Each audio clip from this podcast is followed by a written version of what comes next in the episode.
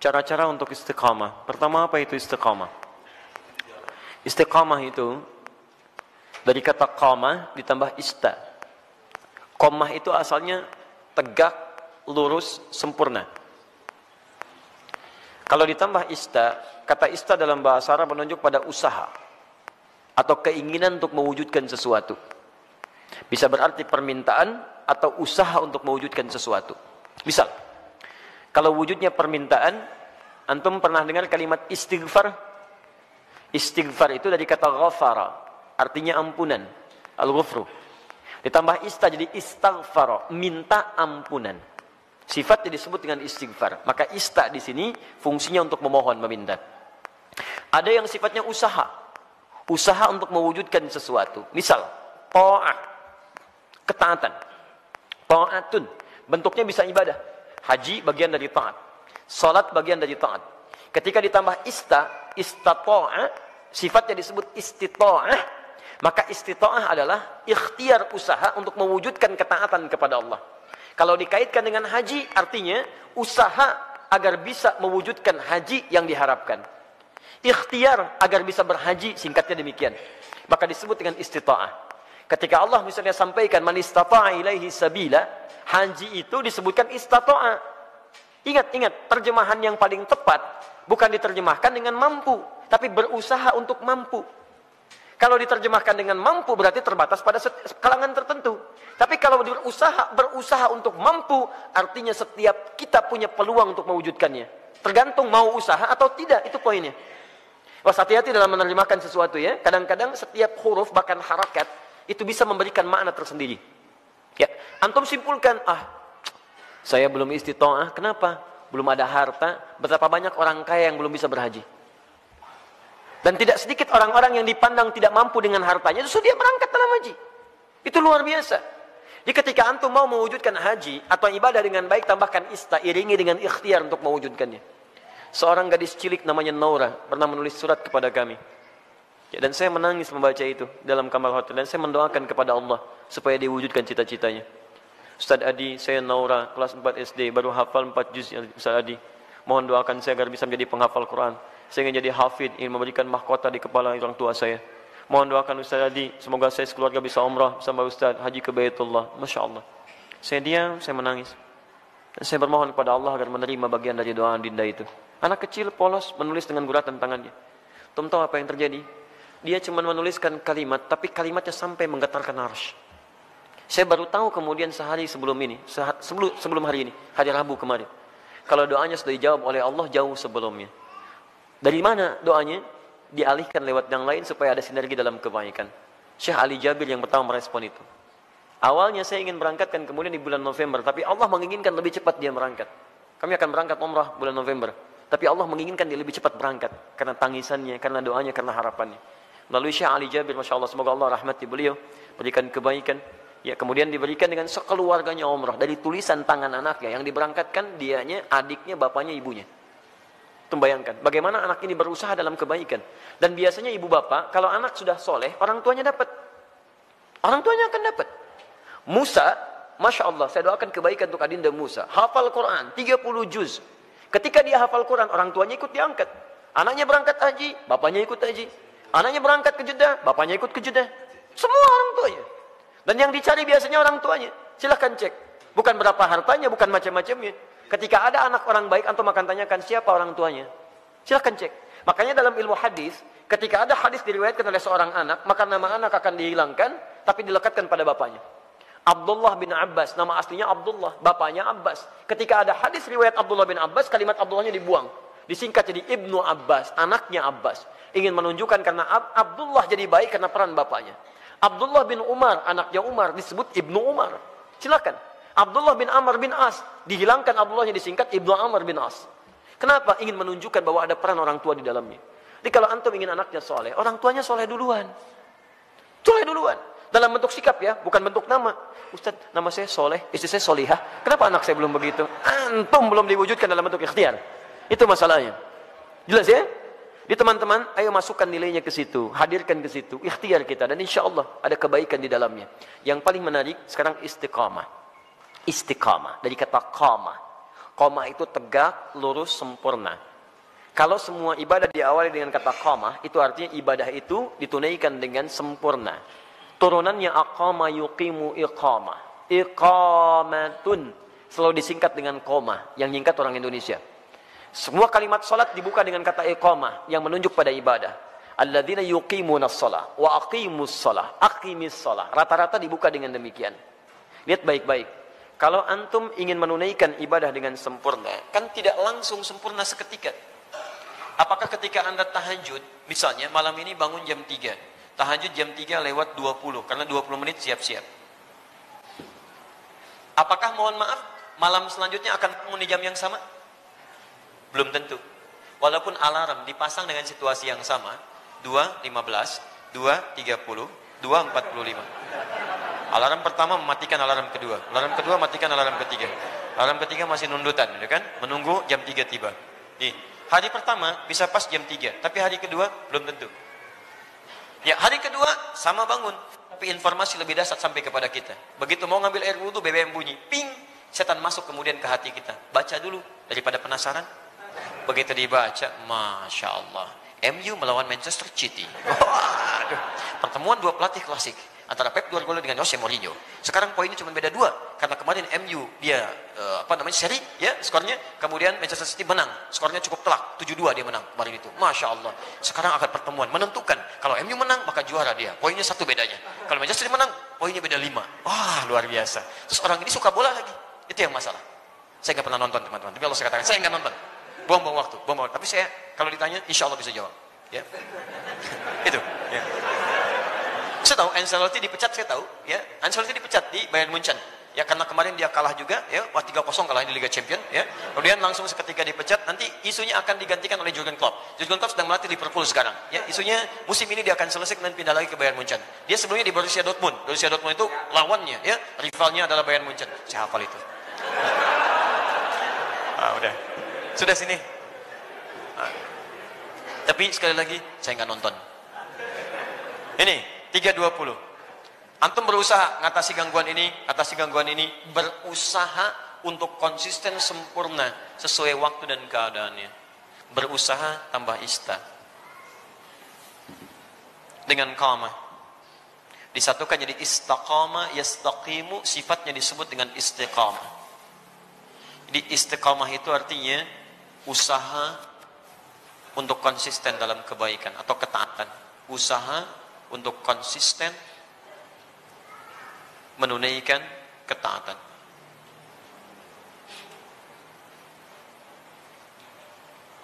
Istiqamah tahajud, istiqamah puasa, istiqamah baca Al-Quran, istiqamah berdoa dalam kebaikan. Sekarang pertanyaannya, bagaimana cara saya bisa istiqamah? Itu pertanyaan terbesarnya. Satu,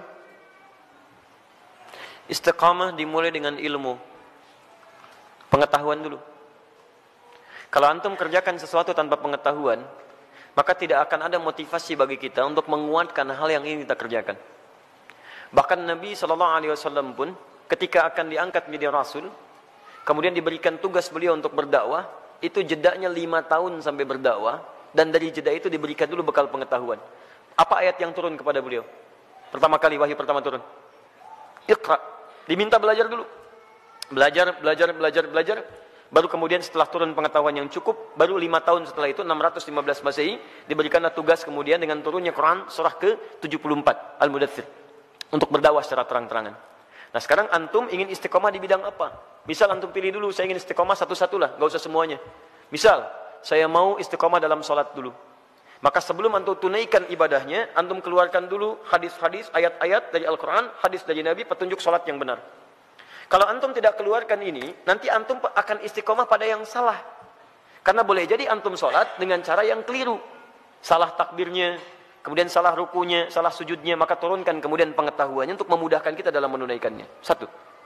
Yang kedua, keluarkan kemudian motivasi-motivasi positifnya. Ya, keutamaannya. Keutamaan itu untuk selalu memotivasi kita kalau kita sedang menurun ya, dalam mengerjakan amal soleh yang dimaksudkan. Misal, itu boleh dituliskan. Saya ingin tunaikan tahajud, ingin istiqamah. Antum keluarkan keutamaan tahajud, tuliskan. Ada empat keutamaan tahajud dalam Al-Quran. Quran surah 17 ayat 79 sampai dengan 81. Paling kiri sebelah atas. Satu, mengangkat karir di tempat terbaik. Asa ayyab'athaka rabbuka maqama mahmudah. Dua, mendapat bimbingan Allah saat menjalani aktivitas. Wa rabbi adkhilni mudkhala sidqin. Tiga, mendapat bimbingan Allah keluar dari kesulitan. Wa akhrijni mukhraja sidqin. Keempat, mendapat perlindungan dari Allah ketika diganggu oleh orang lain, langsung tanpa perantara. Wa ja'alli min ladunka sultanan nasira. Demi Allah saya katakan ya, saya mohon kepada antum kalau masih punya banyak tugas, pekerjaan macam-macam tuh jangan tinggalkan tahajud. Walaupun cuma dua rakaat, witirnya satu rakaat. Jangan tinggalkan. Kalau antum konsisten, maka nilai-nilai kebaikan akan Allah berikan. Supaya jadi motivasi, antum tuliskan itu. Tempelkan di samping kanan, di dinding tembok kita mau tidur itu, sampaikan sebelah kanan. Tempelkan. Di begitu antum mau tidur, antum bisa melihat itu. Dalam keadaan lupa pun ketika antum melihat itu, antum bisa termotivasi untuk bangun di malam harinya. Kalau bisa tambahkan kalimat di bawahnya. Ya, tambahkan kalimat di bawahnya. Apa kamu merasa sudah ada jaminan surga? Nabi aja ahli surga, tahajud. Kamu bukan nabi, bukan rasul, bukan ahli surga, nggak mau tahajud. Apakah kamu masih sehat sampai malam ini? Tuliskan. Sampaikan. Dibuat kalimat-kalimat kuat-kuat yang indah untuk memotivasi kita ibadah. Ayo. Non muslim aja punya kuat untuk kehidupan mereka. Masa urusan akhirat kita nggak punya kuat yang baik? Hadirkan. Kita antum tuliskan jadi motivasi. Dua, Tiga. Tiga. Di satu pelajari dengan ilmu. Dua keluarkan keutamaannya. Tiga.